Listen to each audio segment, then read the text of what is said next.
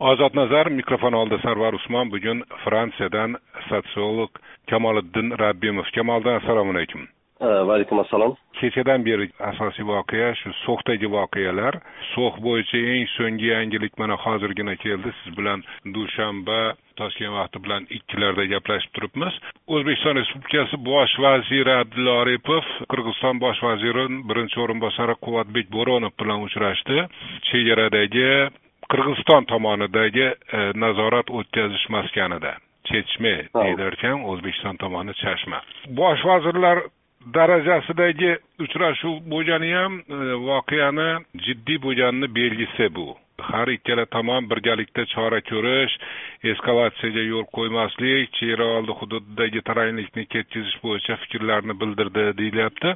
Endi bu yaxshi albatta hukumatlar uchrashgani endi men sizdan nima bo'ldi? So'xda kim birinchi tosh otdi degan bema'ni savolni bermoqchi emasman. Fransiyada o'tirgan odamdan bu narsa so'ralmaydi. Lekin siz e, bir sotsiolog sifatida o'zbekistonda yashab turgan paytingizda o'sha hududni o'rgangansiz. Ha shunday.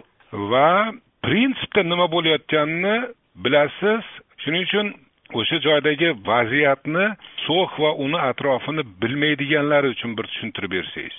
Э, demak roppa rosa yigirma yil oldin ikki minginchi yil э, hali strategik tadqiqotlar institutiga endi ishga kirganimda ko'p o'tmasdan biz э, o'zbekistonni chegaradosh hududlarini o'rgangani chiqib ketgan edik. Jumladan o'sha farg'ona viloyatining so'x tumanida ham bir hafta yotib ishlaganmiz. U yerga kirib borishimizni o'zi ham anchagina nima deydi salgina qiyinroq bo'lgan. Chunki mana birinchi bo'lib o'zbekiston chegarasidan chiqasiz. Ya'ni bu yerda so'x taxminan anchagina kilometr bu yerda bir yigirma kilometrlar adashmasam bor. Rishton yo'nalishida borilishini aytyapsizda? Ha shunday. Rishtondan chiqib so'xga kirishni aytyapsiz ha?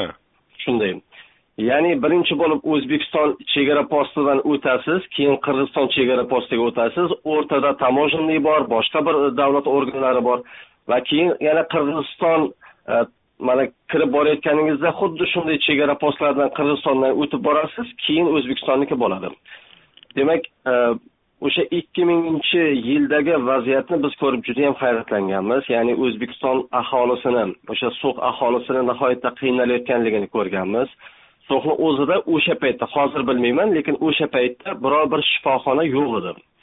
Mana e, agarki biror bir homilador ayol yoki og'ir ahvoldagi inson e, farg'ona viloyatini kasalxonasiga shifoxonasiga kelish uchun o'sha qirg'iziston o'zbekiston chegaralarini bosib o'tish kerak va e, ko'pincha soatlab qolib ketishgan odamlar.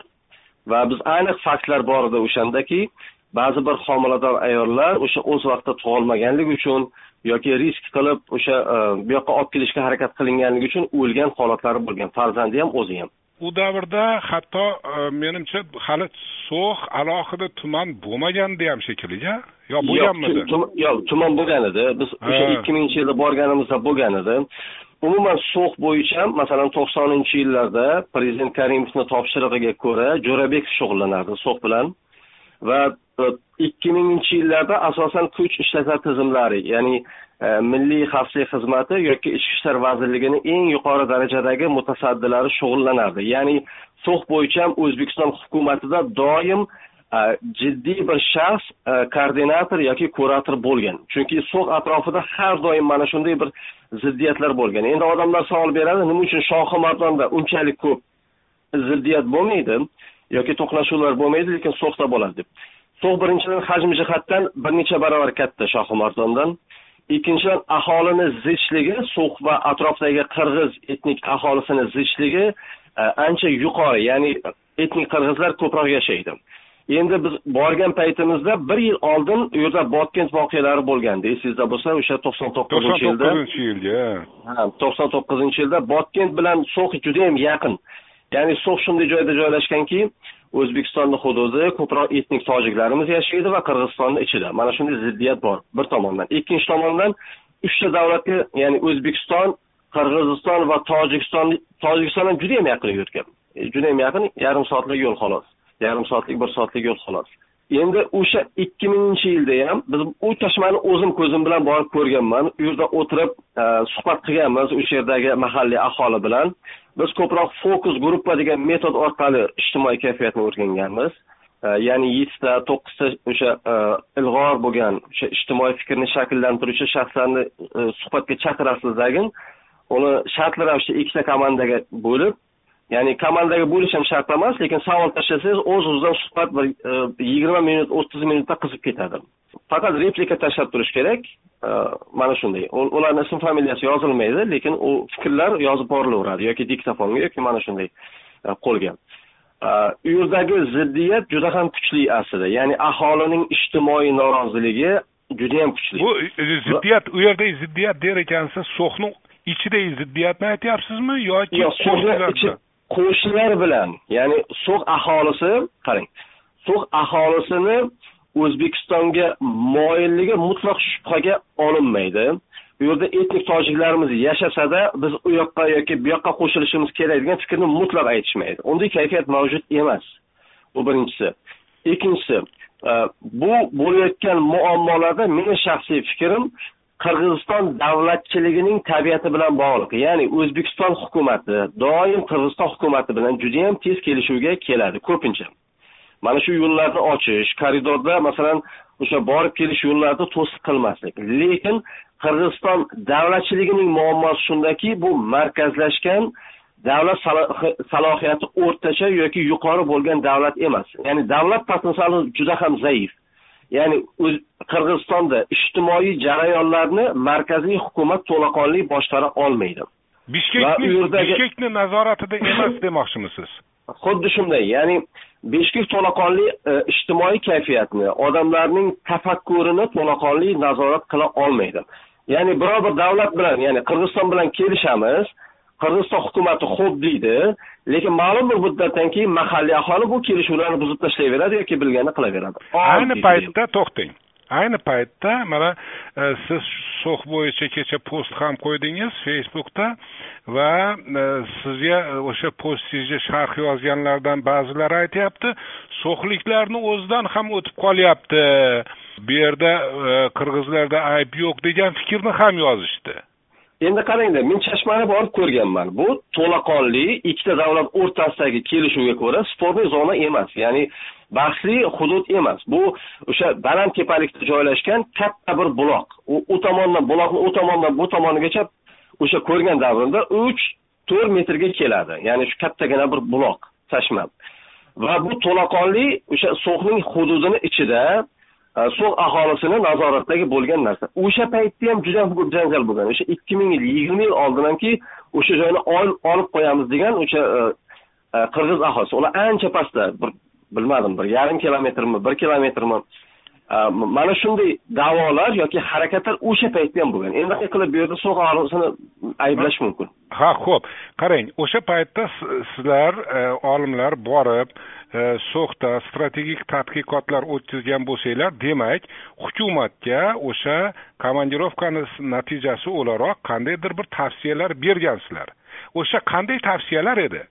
Endi e, biz ijtimoiy kayfiyatni o'rgangani borganmiz. E, bizni xulosalarimiz o'sha paytda ham yopiq bo'lgan ya'ni dsp deydi для служебного пользования. Chunki e, ochiq e, ma'lumotlar orqali qilingan ba'zi bir strategik xulosalar yopiq bo'lishi ham mumkin. Endi bizni o'sha tadqiqotimizni hukumat e, moliyalashtirgan. Umuman strategik tadqiqotlar instituti bu prezident huzuridagi va xavfsizlik kengashiga ishlaydigan institut. Hozir ham o'sha paytda ham. Endi biz ijtimoiy kayfiyatni o'rganganmiz chunki o'sha paytdagi bir qaltis vaziyatlar bo'lgan. Masalan o'sha botkent bilan bog'liq o'zbekistonga tashqi bir masalan o'sha Э, surxondaryoda mana shunday biz nima qilganmiz? Yoki xorazmni xo'jaraspida boshqa hududlarda andijonni eng nimasi? Э, э, Sharqiy tumanlarimizda bo'lganmiz. U yerda ham o'sha baliqchi tumani boshqa tuman xonobod tumani. Ya'ni ijtimoiy kayfiyatni o'rganganmiz va bu yerdagi mahalliy aholiga ya'niki fors major vaziyatlarda mahalliy aholining xatti harakatini modellashtirishga harakat qilganmiz. Masalani yechimi nimada deb o'ylaysiz? O'sha regionni o'rgangan bir mutaxassis sifatida. Endi bu judayam murakkab men uchun savol. Sababi bu yerda qirg'iziston hukumat qarang e, mana ba'zilar aytdiki o'rtadagi koridorni balkim sotib olish kerakdir deb. O'zbekiston bu narsani taklif qilgan. Yer almashish kerakdir biror bir boshqa hududdan qirg'izistonga yer berib o'sha koridor uchun yer ochish. Bu narsani o'zbekiston hukumati taklif qilgan. Ya'ni o'zbekiston hukumati taklif qilmagan variant qolmagan. Endi bu masalani geosiyosiy e, shu paytgacha nuqtasi bor edi. Esingizda bo'lsa aynan siz bilan suhbatlardan birida bir necha yil oldin aytgandimki postsovet hududidagi eng katta geosiyosiy zo'riqish chizig'i o'zbekiston va qirg'iziston chegarasi orqali o'tadi. Sababi e, degan edim.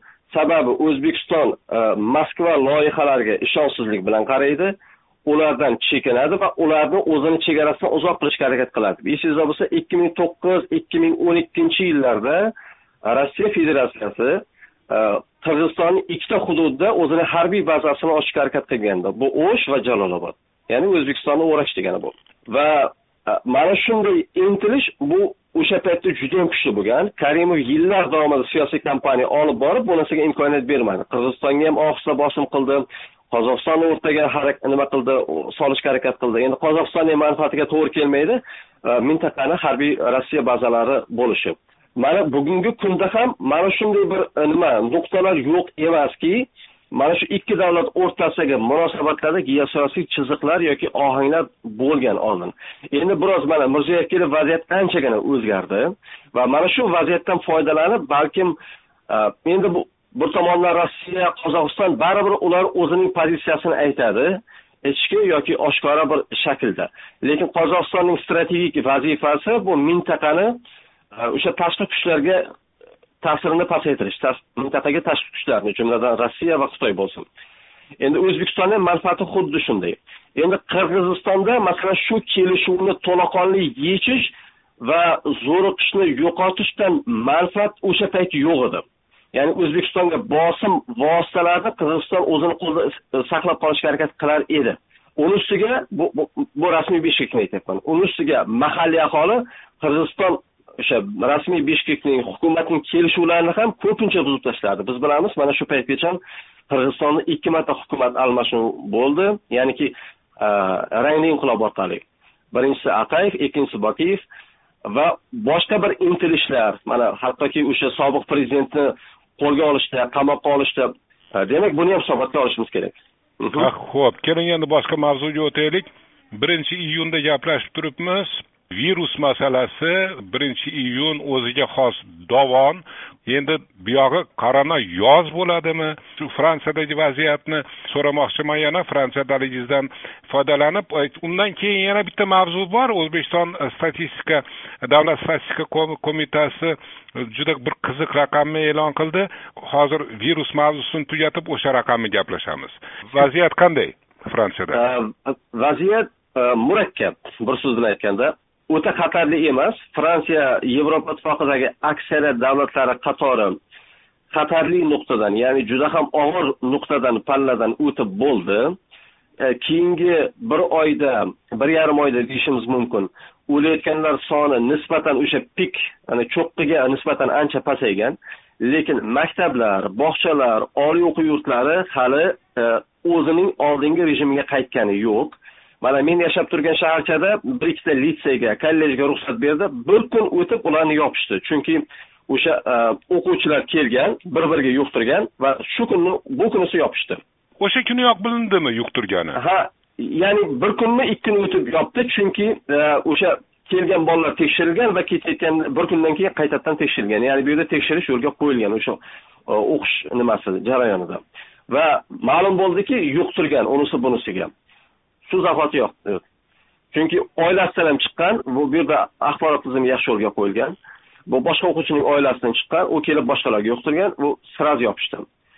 Ya'ni mana shu e, o'quv tizimi to'laqonli o'z holatiga qaytgani yo'q. Ya'ni bu yerda oliy o'quv nimasiga e, kelasi sentyabrdan o'qish bo'lishi kerak. Hozir e, mana shu saralash jarayonlari bo'lishi kerak. Bitiruvchilar uchun imtihonlar bo'lishi kerak. Hozir judayam bir internetda qilishga harakat qilyapti lekin uni e, biz ko'ryapmiz. Endi meni ham uchta bolam o'qiydi. Bu universitetlar yoki universitetlar emas ayniqsa kollej litseylar judayam bir murakkab ahvolda umuman e, karantin tizimi saqlanib qolgan magazinlar ochilgan e, odamlar bir biridan uzoq yurishi qattiq tavsiya qilinadi va yuz kilometrgacha mana meni hududimda yuz kilometrgacha so'roqsiz spravkasiz hujjatsiz chiqish mumkin. Lekin parij va sharqiy fransiya ya'ni strasburg tomonda vaziyat ancha murakkab. Siz demak uydan chiqib yuz kilometrgacha borishingiz mumkin undan u yog'iga o'tkazishmaydimi yo undan keyin to'xtatsam men hujjat ko'rsatishim kerak. Nima uchun yurganligimni. Agar o'zim aylanib yurgan bo'lsam masalan ishim zarur ishim bo'lmaydigan bo'lsa turizm qilib oylab yurgan bo'lsam meni shtraf qilishadi. Ho'p keling endi yana o'zbekistonga qaytaylik. Davlat statistika qo'mitasi ma'lum qildi o'zbekistonda yangi tug'ilgan chaqaloqlardan tortib o'n to'rt yoshgacha bo'lganlarni jami soni to'qqiz million sakkiz yuz yetmish ming ikki yuz yetmish olti nafar ekan shu kunda va bu raqamni o'qib bir qator savollar paydo bo'ldi. Eng birinchisi shuki ha bu umumlashtirib aytadigan bo'lsak o'n million. o'n million bola bor ekan bilamizki o'zbekiston aholisi o'ttiz to'rt million. Umr davomiyligini yetmish deb yetmish yosh deb oladigan bo'lsak o'n to'rtdan u yog'i ellik olti qoladimi? Shu ellik oltilik qism shu qadar ozmi? Xuddi shunday. Demak bir necha yil oldin bu yerda o'zbekistondagi migratsiya immigratsiya va demografik tendensiyalarni o'rganganman. O'zim bir tadqiqotda ishtirok etib haqiqatda savolingiz to'liq o'rinli qarang endi o'zbekistonni o'n olti yoshgacha ya'ni o'n olti yosh kirmaydi o'n besh yoshgacha kiradiganlar aholi sonining ulushi yigirma to'qqiz butun o'ndan sakkiz ya'ni o'ttiz foiz. Uchdan bir aholimiz bu bolalar. O'zbekiston qonunchiligiga ko'ra o'ttiz besh yoshgacha bo'lgan aholi yoshlar deyiladi. Mana shu yoshlar aholi qatlami oltmish olti foizdan oshadi. Э, meni qo'limda o'sha nima bor? Э, Statistik ma'lumotlar hisob kitoblar hammasi bo'lganligi uchun qarab aytyapman. Va ishga layoqatli ya'ni o'ttiz besh yoshdan e, oltmish yoshgacha bo'lgan aholimiz yigirma olti ya'ni yigirma yetti foizni tashkil qiladi. Va undan ortig'i oltmishdan yuqorisi olti butun o'ndan uch foiz. Ya'ni o'zbekistonda yoshlar ulushi bolalar ulushi nihoyatda katta. O'zbekistonda demografik o'sish postsovet hududida e, ya'niki aholiga nisbatan foizda emas umumiy raqamlarda ya'ni konkret raqamlarda o'zbekiston birinchi o'rinda turadi. Lekin aholi nisbatiga nisbatan foizlarda tojikiston birinchi o'rinda turadi. Endi qarangda kamoliddin. Endi o'zbek aytadi bola qancha ko'p bo'lsa yaxshi deydi. Va mana o'n million bola bor ekan o'n to'rt yoshgacha deb e, o'zbek faqat suyunadi. Ha buni tashvishli tashvishli tomoni ham bormi yo'qmi? Yo albatta bor. Bu qarang bu o'zbekistonda oila o'zbekiston oilasining strukturasi mutlaq o'zgargan keyingi yigirma yilda o'ttiz yilda. O'zbekiston sovet davridagidek o'rta statistik oiladagi besh olti bolalik oilalar salkam qolmagan. Judayam kam judayam kam asosan bugungi o'zbekiston oilasidagi o'rta statistik oilalar soni bolalar soni e, ikkita uchta maksimum to'rtta. Shunday sharoitda ham o'n million bola bo'ldi deng xuddi shunday. Ya'ni xuddi shunday o'n million bola bo'ldi. Sababi endi bir e, mana bitta e, reproduktiv ya'ni bola tug'ish qobiliyatidagi ayolga bolaning ulushi o'zbekistonda ikki butun o'ndan to'rt bola to'g'ri keladi. Ya'ni bu nihoyatda ko'p emas aslida. O'n ayol yigirma bir bola ko'radi deng? Uni eri ham borda lekin yonida. Ya'ni faqat ayollar ko'payishi emasda. Ya'ni e, ikkita ya'ni eri xotindan ikki yarimta bola bo'lyaptida endi butun o'zbekiston bo'yicha olib qaraganda. Uchtaga ham to'g'ri kelmayapti masalan. Ikki yarimtaga to'g'ri kelyapti. Lekin umumiy o'sha e, millat bir kattarib olgandan keyin o'zbekiston aholisi katta bo'lgandan keyin mana shunday e, ko'payish dinamikasi mavjud. Umuman o'zbekistonda yillik demografik sof ko'payish bir butun o'ndan yetti foizga to'g'ri keladi. O'shaning uchun men o'zimni masalan postlarimda yoki maqolalarimda ko'p aytaman mana shu o'n yillikda yigirmanchi yildan o'ttizinchi yilgacha o'zbekiston ukraina bilan joyini almashadi. Post sovet hududida. Rossiya birinchi davlat. Qirq besh milliondan o'tadi demoqchisizda qirq besh milliondan. Yo'q ukraina tushyaptida har yili yarim foizga tushyapti va hozir hozir qirq ikkimikin shuni atrofidada. Ha qirq bir yarim million taxminan. Ho'p biz mana o'ttiz to'rt million e, demak bugun qaraganim e, demak o'ttiz to'rt million bir yuz yigirma bir ming. Va har yil har ikki yilda sof bir milliondan oshyapti ko'payishimiz. Ya'ni bir yillik e, sof aholi ko'payishi olti yuz to'qson mingmidi shu yetti yuz ming atrofida. Bu o'lganlar ko'chib ketganlardan tashqari. Olti yuz ellik ming yetti yuz ming atrofida men biroz aniqlashim kerak. Demak ikki yilda bir milliondan oshyapti sof ko'payish haliyam keyingi yillarda bu sekinlashyapti umuman o'zbekistondagi o'sha ko'payish tendensiyasi foizlarda ulushlarda siz bir sezyapsizmi hukumat mana shu o'sishni hisobga olib qandaydir bir strategik choralar ko'rayotganini endi masalan e, yangi ma'muriyat ikkinchi ma'muriyat vaziyatni isloh qilish ijtimoiy iqtisodiy islohotlar qilib o'sha o'zbekiston o'sayotgan demografik judayam jadal o'sayotgan o'zbekistonni ta'minlashga harakat qilyapti. Men ko'rib turibman shaxsan men. Lekin o'zbekiston byurokratiyasining tafakkuri va ishlash mexanizmini e, vaziyatga muvofiq deb aytib hech kim ayta olmaydi. Uni hukumat ham tanqid qilyapti ya'ni prezident ham boshqalar ham tanqid qilyapti. O'zbekiston o'zining muammolarini effektiv hal qilish uchun bizga butunlay boshqa byurokratiya kerak o'zbekistonga. E, ya'ni bu shunday bir sezgir va mohir byurokratiya bo'lishi kerakki mana e, ko'pincha ko'rdik o'tgan uch yil to'rt yil davomida e, viloyat hokimlari tuman hokimlari o'sha eski stilda brutal e, majburlov va mahrum qilish orqali muammolarni hal qilishga o'rganib qolgan. Lekin yangi tafakkur shakllanyapti sekin shakllanyapti lekin o'zbekiston mana shu o'zining demografik umuman ijtimoiy iqtisodiy vaziyatini o'nglash uchun kuch ishlatmasdan ijtimoiy vaziyatni ushlab turish uchun va milliy boylik yaratish orqali ijtimoiy rozilikni ta'minlash uchun albatta byurokratiyaning tabiati tafakkuri to'liq o'zgarishi kerak. Umuman o'zbekistondagi siyosiy tafakkur o'zgarishi kerak va bu boshlangan albatta. Yangi byurokratiya deganda siz nimani nazarda tutyapsiz? Qanaqa bo'ladi yangisi? Yangisi qarang. Hop. O'zbekistonda hokimlar shu paytgacha to'laqonli tayinlandi. Men taklif qilganman buni ko'pchilik taklif qilgan. Mana hozir o'zbekistondagi saytlarda ovozga qo'yilgan va sakkiz mingdan ortiq ovoz oldi o'n mingtaga yetsa u o'sha davlat muhokamasida ko'rilishi kerakki tuman hokimlari saylansin degan taklif. Bu muhim narsa. Sababi e, saylangan hokimlarning tafakkuri to'laqonli o'zgaradi. Ular bir tomondan o'sha jamiyat o'zini saylovchilarini rozi qilish ikkinchi tomondan davlat bilan hamkorlik qilishda muvozanat saqlash bo'yicha muvozanat izlay boshlaydi. Bugungi kundagi siyosiy yondashuv tafakkur amaldorlarning yagona yondashuvi faqatgina rahbariyatni yuqori instansiyani xursand qilish rozi qilish va ularni imkon qadar manipulyatsiya qilish ya'ni vaziyatni o'nglash. Ular nimaiki kutayotgan bo'lsa o'sha narsani berish. Endi bu haqda bu haqda e, prezidentni o'zi ham gapirgan lekin e, o'sha gap bo'yicha qolib ketyaptida. Endi bilasizmi men o'ylaymanki o'zbekiston e, hukumatini ichkarisida bu sohadagi ishlar yoki tafakkur yoki tadqiqotlar ketayotgan bo'lishi mumkin. Mana bir qancha qonun loyihalari bir yil ikki yildan beri muhokama bo'lyapti. U to'xtagani yo'q. Mana senatda yaqinda ham masalan bir qancha masalalar ko'tarildi. Men kuzatib boryapman.